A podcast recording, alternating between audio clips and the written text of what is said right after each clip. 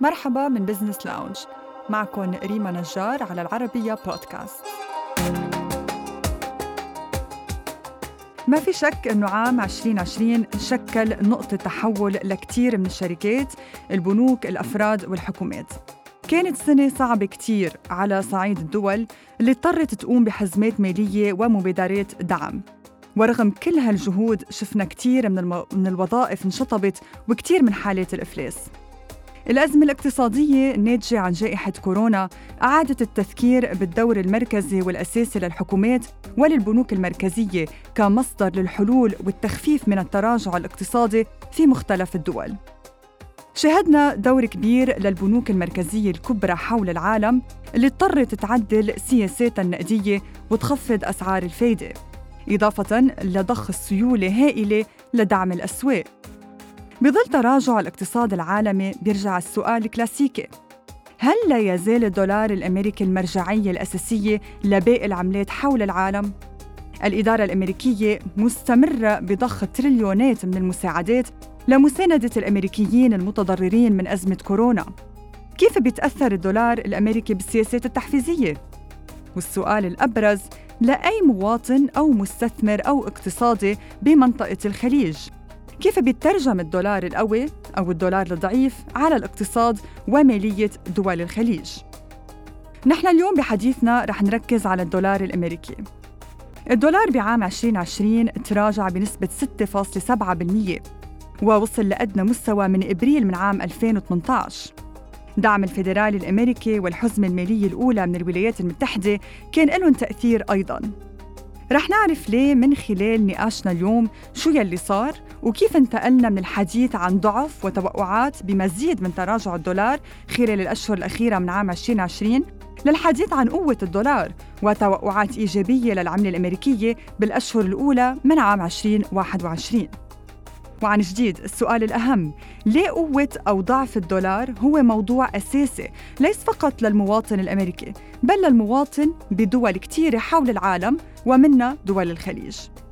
بيسعدني استضيف اليوم وبأول حلقة من Business Lounge الدكتور ناصر السعيدي رئيس شركة ناصر السعيدي وشركائه ومستشار للقطاع المصرفي والمالي والحكومات والبنوك المركزية والهيئات التنظيمية والشركات العالمية والإقليمية أيضاً.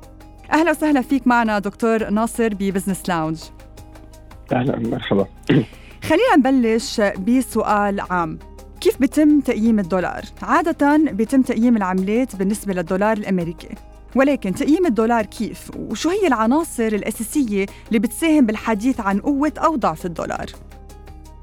الحقيقة في مجموعة عوامل بتأثر بسعر الدولار، أساسا اولا النمو الاقتصادي هل عم يرتفع أو يتدنى؟ آه، الميزان الجاري وميزان المدفوعات ككل. يعني هل هل أمريكا مثلا عم تستورد أكثر من عم تصدر؟ هيدا كمان عامل بيأثر بسعر السوق. مستوى الفوائد بأمريكا مقارنة مع مستوى الفوائد بغير دول وخاصة أوروبا واليابان والصين. من بعدها في مجموعة عوامل اللي ترتبط بالسياسة الاقتصادية وخاصة السياسة المالية والسياسة النقدية مثل ما ذكرتي بالمقدمة. مثلا لاحظنا خلال آه، أواخر 2020 وبدءا بال 21 آه، في حوافز مالية انعطت آه، بكميات ضخمة. يعني إذا ما أخذنا مجموع الحوافز والضخ بالنسبة لمالية الدولة هي بحدود 5 تريليون دولار. يعني هذا رقم ضخم عم بتضخه أمريكا لتساعد اقتصادها خلال هالفترة. مش مفروض إضافة نعم. نعم. إضافة إلى أنه البنك المركزي الاتحادي ال Federal Reserve بأمريكا كمان عنده آه، ما يسمى ب quantitative easing يعني عم بيقوم بضخ سيولة بالسوق آه، اللي كمان رفع آه، مستوى قيمة السندات والأسهم بالسوق. وهيدا شجع طبعا تدفق رؤوس أموال لأمريكا لينتفعوا من هالتحسن بالسوق آه، بالسوق المالي بأمريكا. لهالسبب شاهدنا يعني خلال 2021 خلال ثلاث أشهر من السنة آه، تحسن بالدولار مقارنة على ما كان عليه بال 2020. طيب نحن وقت نتحدث عن حزم مالية ضخمة. اخرها كان 1.9 تريليون دولار. وأيضا آه الأسبوع الماضي سمعنا عن آه عن خطة للبنية التحتية فعم نحكي عن ضخ أموال هائلة. أيضا ذكرت نعم. فيدرالي امريكي عم يتبع سياسة نقدية تيسيرية.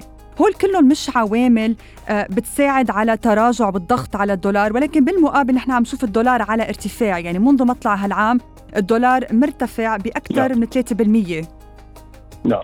خلينا نفسر ليش. آه، بالحقيقة اللي حصل عن طريق آه، ضخ هالمساعدات هو رفع نسبة النمو بأمريكا. ودائما أي عملة بدك تقارني هالعملة مع اللي عم بيصير بالدول اللي عم تتبادل التجارة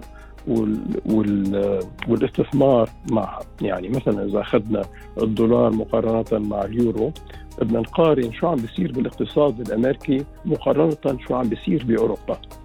فإذا قارنا بين هالاثنين آه، أمريكا ضخت مثل ما ذكرت 5 تريليون دولار يعني بس نحطها نقارنها. حجم الاقتصاد الأمريكي اللي هو أكبر اقتصاد بالعالم هو بحدود ال 21.2 تريليون دولار. بس نحكي عن 5 تريليون دولار عم نحكي تقريبا عن 25% ربع صحيح. زيادة الربع تقريبا. أوكي. ولهالسبب هيدا أعطى دفعة كبيرة للاقتصاد الامريكي ونسبة النمو المرتقبة للناتج القومي الامريكي خلال ال 2021 هي بحدود ال 5 ل 6% هلأ إذا قارنا مع أوروبا أوروبا كمان أقرت حوافز آه، مالية هي بحدود 2 تريليون. لكن لليوم ما تم تنفيذ هالشيء وفي آه، اعتراض لدى المحاكم بألمانيا حول هل هالشيء قانوني أو لا. فرغم جائحة الكورونا أوروبا ما قدرت تقوم ب أو تعطي كل الحوافز لاقتصادها ولهالسبب صار في ضعف لليورو مقارنة مع الدولار نعم. هيدا هيدا الحال اليوم. وتأكيدا آه، على اللي عم تقوله بنك اوف أمريكا مؤخرا المصرف الاستثماري الأمريكي طبعا نشر مؤخرا توقعات جديدة بتشير لارتفاع الدولار بعد ما شدنا تراجع للدولار خلال عام 2020 وأحد آه، نعم. إحدى أبرز المبررات لصعود الدولار خلال هالعام بحسب توقعات Bank of America هي نمو الاقتصاد الأمريكي. آه شو يعني دكتور ناصر دولار قوي للتجارة العالمية وشو يعني دولار قوي للنمو العالمي؟ آه، هون في نقطة مهمة لأنه بس يتحسن الدولار آه معناته إنه آه الاستيراد بأمريكا حيزيد ال import حتزيد مقارنة بالتصدير تبع أمريكا فإذا أخذنا مثلا سنة 2020 آه، العجز بالميزان التجاري تبع أمريكا. كان قياسي كان بحدود 680 مليار دولار. 680 مليار دولار. بزيادة 18% على 2019 وإذا ما قوي الدولار مثل ما حاليا عم يحصل بال 2021 هيدا العجز بالميزان التجاري حيزيد بال 2021 شو نتائجه لباقي العالم؟ معناتها أمريكا حتستورد من باقي العالم. من أوروبا والصين واليابان وكوريا وغيرها أكثر من عم بتصدر. يعني العجز حيزيد. هيدا حيساعد هيدي الدول. هيدا حيساعد هيدي الدول. وح يعني فكري بالاقتصاد الأمريكي كأنه قطار مش هيك؟ ترين. عم بير عم بيجر باقي آه الاقتصادات وخاصة أوروبا. هيدا أمر مهم. معناتها شيء إنه بالنصف الثاني من السنة من النصف الثاني من السنة الأرجح إنه يرجع يضعف الدولار. يعني نحن بمرحلة عم يقوى فيه الدولار لكن بس يزيد العجز التجاري okay؟ آه أمريكا حتضطر تتدين من باقي العالم وهيدا حيضعف الدولار. نعم هون كمان لازم نذكر إنه أمريكا عندها twin deficit يعني عجز بالميزانية والميزان التجاري. نعم. العجز بالميزانية آه، هالسنة ممكن يكون تقريبا بحدود ال 15% من الناتج القومي. هيدا كمان رقم قياسي. معناتها أمريكا حتضطر تتدين من باقي العالم وهيدا حيحط ضغط على الدولار الأمريكي. أوكي؟ فعندنا عدة عوامل عم تلعب دورها مثل ما ذكرنا بالأول. في النمو الاقتصادي لكن في كمان السياسات النقدية السياسات المالية. وطبعا هل في نجاح بمكافحة جائحة كورونا؟ هيدا اللي عم بيأثر أكثر شيء اليوم ودكتور ناصر ما لازم ننسى كمان عامل مهم ارتفاع العوائد على سندات الخزانة. يعني هون كيف فينا نربط كمان عامل التضخم آه، مع ارتفاع العوائد على سندات الخزانة مع الدولار؟ يعني عم شوف الدولار عم بيرتفع مع ارتفاع العوائد. نعم. لكن اليوم صار في خوف بالحقيقة بالسوق الأمريكي إنه هل الضخ السيولي من قبل البنك المركزي والحوافز المالية هل حي... هل هالشيء حيؤدي لزيادة التضخم بأمريكا؟ وصار في كثير آه، مقالات آه، ذكرت مؤخرا إنه حيرتفع حيرتفع التضخم ربما يوصل ل 2 3% أوكي؟ خلال 21 22 لكن اللي عم يحصل حاليا آه، للفوائد وخاصة العائد على سندات الخزينة ال Treasury yields هو بسبب ارتفاع ترقبات آه، تقديرات النمو الاقتصادي يعني ال real interest rate الفائده الحقيقية وليس بسبب التضخم. ما زال يعني حاليا آه، نسب التضخم باقي بحدود ال 1.6% ل 2% وما بتصور حترتفع أكثر من هيك. لهالسبب الارتفاع اللي عم نشوفه بالفوائد والعائد على سندات الخزينة هو بسبب ترقبات انه الاقتصاد نمو الاقتصادي والتفاؤل النمو الاقتصادي وحيتحسن. وهيدا يلي شدد عليه مرارا ومرارا جيروم باول. رئيس الفيدرالي نعم. الأمريكي قال إنه الارتفاع نعم هو جانيت يلن قالوا الارتفاع نعم. نشوفه مش مش سببه التضخم بل ترقب تعافي اقتصادي قوي جدا. وأيضا لفتني دكتور ناصر يلي عم تقولوا عن النص الثاني من هالسنة بتشوف إنه حيكون في ضعف آه، على الدولار وليس آه، ما حيكون في قوة. عم نتحدث يعني عن مستويات قد إيه، تراجع بقد إيه بالنص الثاني نمحي كل المكاسب اللي عم اللي عملناها لحديت هلا؟ لا أنا بفتكر الدولار حيبقى قوي آه خلال 2021 آه يمكن نوصل آه إذا ما قارنا مع اللي حصل بال 2020 يمكن يرجع لما كان عليه بال 2019 أوكي؟ أه. يعني تحسن خلال ال 21 آه، بحدود ال 5 ل 6% خلال هالسنة. نعم. دكتور ناصر السعيدي آه، حضرتك كبير الاقتصاديين السابق لمركز دبي المالي العالمي بين عام 2006 و2012 خلينا ننتقل هلأ لمنطقتنا. شو أهمية الدولار لمنطقتنا؟ وليه الاهتمام بأدائه أصلاً؟ خلينا ننطلق من فكرة بسيطة. عاملين عملات منطقة الخليج وبعض المناطق المجاورة مرتبطة بالدولار وببعض الأحيان بيسلم العملات الأخرى مثل الحال بالكويت. أولا لا. ليه صار في خوف وقلق من استمرار والحفاظ على هذا الربط العام الماضي مع جائحة كورونا؟ آه، بالحقيقة السبب الرئيسي هو أنه آه، انخفاض أسعار النفط. ما ننسى أنه شاهدنا خلال 2020 أسعار النفط تدنت لحدود ال 40 45 دولار. okay؟ برنت حتى وصل لل 15 دولار وقتها بإبريل الأسود سميناه صح؟ نعم اجى وقت لكم يوم. شو شو بينتج عن هالشيء؟ ما ننسى إنه دول المجلس التعاون تعتمد ل 60 ل 80% من صادراتها هي النفط والغاز. فبس ينخفض آه بس ينخفض سعر النفط معناتها بيصير في عجز بالميزان الجاري والميزان التجاري أوكي؟ لأنه بنستورد كمان أكثر بكثير من نورد لباقي العالم. وفي كمان عجز كبير بميزانيات الدول. فاذا أخذنا ال 2020 آه صار في عجز بالميزان آه، بميزان ميزانيات الدول بحدود 9.1% 9.5% من الناتج القومي صحيح. هذا كمان رأس رقم قياسي يعني آه انخفاض كثير كبير بهالواردات وما ننسى إنه كمان معظم الدول معتمدة على الواردات من صادرات النفط لتغطي نفقاتها. فعندك آه، عجز بميزان الميزان الجاري وعجز بالميزان المالي. وهيدا اللي حصل بال 2020 لهالسبب طبعا آه، صار في خوف آه، لكل هالدول هل هالضعف بسعر النفط بحل حيستمر؟ لاحظنا طبعا إنه أسعار النفط تحسنت مع تحسن النمو بالاقتصاد العالمي وخاصة بالصين. وأوبك بلس أكيد له الفضل الأكبر نعم والخفض الطوعي من السعودية كمان. أكيد هيدا أكيد ساعد بس ما ننسى إنه أهم شريك تجاري وخاصة أهم سوق لدول مجلس التعاون فيما يخص النفط والغاز هي الصين وآسيا عامة.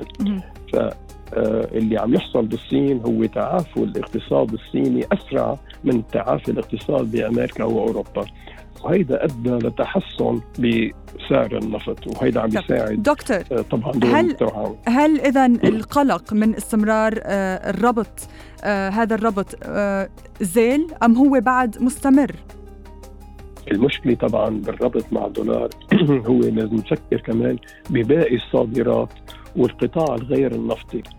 بس يتحسن الدولار معناتها مثلا السياحة لدول مجلس التعاون صارت أغلى. فإذا باخذ بلد مثل الإمارات آه والبحرين وغيره المعتمدين طبعا على السياحة والعائدات من السياحة كل ارتفاع بالدولار كل تحسن بالدولار معناتها آه، القدرة التنافسية تبع السياحة بتخف. هيدي هيدي مشكلة من من وجهها. فمن ميل آه، تحسن الدولار بيساعدنا إنه بيصير بيزيد آه، ميزان المدفوعات وبيسد العجز بمالية الدولة. بس من ميل ثاني بيضر بالقطاعات الغير نفطية اللي معتمدة على الخدمات على تصدير الخدمات على السياحة وغيره. هون المشكلة بين اثنين. فالدول مجلس التعاون بدها تلاقي طريقة إنه آه، تحفز النمو بالقطاعات الغير نفطية من مي. وبنفس الوقت تجرب توصل لتوازن على اعتمادها على العائدات النفطية. هون المشكلة المعضله نعم. فأنت بتعتبر إنه سياسة الربط آه هي ربما مستدامة منا مكلفة؟ لا هي مكلفة مكلفة برأيي.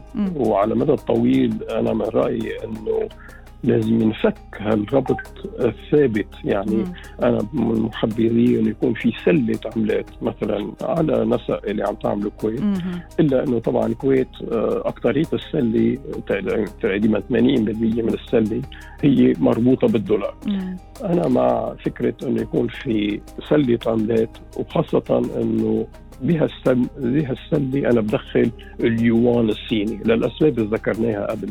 إنه الصين أهم شريك اقتصادي عندنا اياه فبالمستقبل بفتكر بالثلاث أربع سنين خمس سنين الجايين لازم نتجه لسلة عملات فيها الدولار وال واليورو واليوان واليوان والين الياباني وغيره يمكن من العملات. هون بحب شير إنه كان أكد المحافظ السابق للمركز السعودي أحمد الخليفي آه، مرارا على سياسة ربط الريال بالدولار. وسمعنا تصريحات مماثلة من محافظي بنوك مركزية أخرى آه، بالمنطقة لسيما آه، العام الماضي بعام 2020 قبل ما نختم أو بالأحرى حاب أختم بهيدا السؤال. أولا خلينا نحكي أكثر الربط بين الدولار وبين السلع. هل هي في علاقة عكسية أم لا؟ هي أولاً. وثانياً عم نشوف إنه عم بيكون في ارتفاع على الدولار مؤخرا وأيضا ارتفاع على أسعار النفط. يعني أسعار النفط بالربع الأول مرتفعة بأكثر من 20% وكذلك في ارتفاعات قوية على الدولار بأكثر من 3% ففسر لنا ال correlation بين سعر الدولار بين الدولار وبين السلع. okay اذا أخذنا السلع يعني عامة اللي بنستورده بدول مجلس التعاون ارتفاع سعر صرف الدولار بخفض آه، التضخم لأنه نحن عم نستورد. وبس يتحسن الدولار معناتها فينا نشتري هالسلع والخدمات من باقي العالم بسعر أقل من من لو كان الدولار ضعيف. مش هيك؟ هيدا من جهة. لكن من جهة ثانية في شغلة لازم ينتبه لها إنه عادة تحسن سعر صرف الدولار مع عنده تأثير عكسي على سعر النفط. أوكي؟ إذا أخذنا سوق مستقر مثلا للسوق النفطي مستقر مثلا بحدود ال 60 دولار آه، البرميل. إذا بيتحسن الدولار عادة سعر النفط سعر البرميل حينخفض. يعني علاقة عكسية. اتفقنا. تمام تمام. عنده عنده أثر عكسي فيما يخص سعر سعر النفط. فمن هون عندنا آه عندنا عوامل لصالحنا يعني فيما يخص التضخم تحسن الدولار معناتها فينا نستورد بأسعار أقل من باقي العالم لكن بضرنا آه، فيما يخص آه، أهم صادرات اللي عندنا إياها هي النفط والغاز. دكتور أنا بدي أشكرك كثير كنت أول ضيف لبودكاست Business Lounge ف it's pleasure talking to you thank you thank you very much وإن شاء الله نرجع نلتقى قريبا. thank you إن شاء الله. شكرا دكتور. يلا تيك كير هاف ا نايس داي